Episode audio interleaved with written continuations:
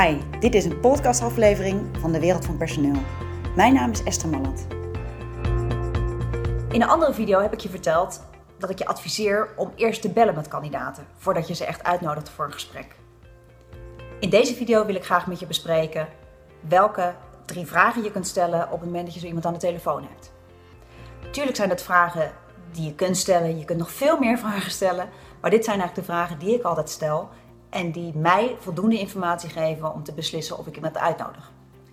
Nou, de eerste vraag is: per wanneer ben je beschik beschikbaar en wat is de reden dat je dan beschikbaar bent? Je krijgt dan al een verhaal over waarom iemand eh, op dat moment aan het solliciteren is en ook over wanneer iemand echt beschikbaar is. En dat is natuurlijk voor jou erg belangrijk om te weten. Een tweede vraag die ik stel is: wat is jouw beeld van de functie?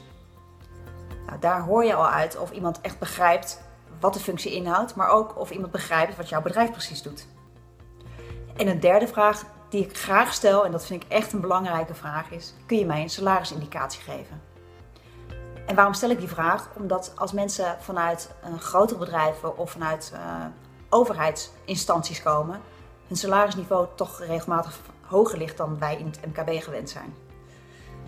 Dus het is belangrijk dat je die vraag stelt om te kijken of daar überhaupt of dat überhaupt dicht bij jouw salaris, uh, salarisindicatie ligt. Dus drie vragen.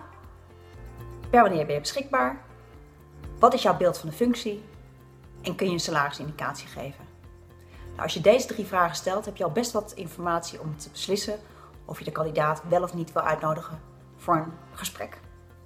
Nou, dat is mijn persoonlijke advies vanuit de wereld van personeel.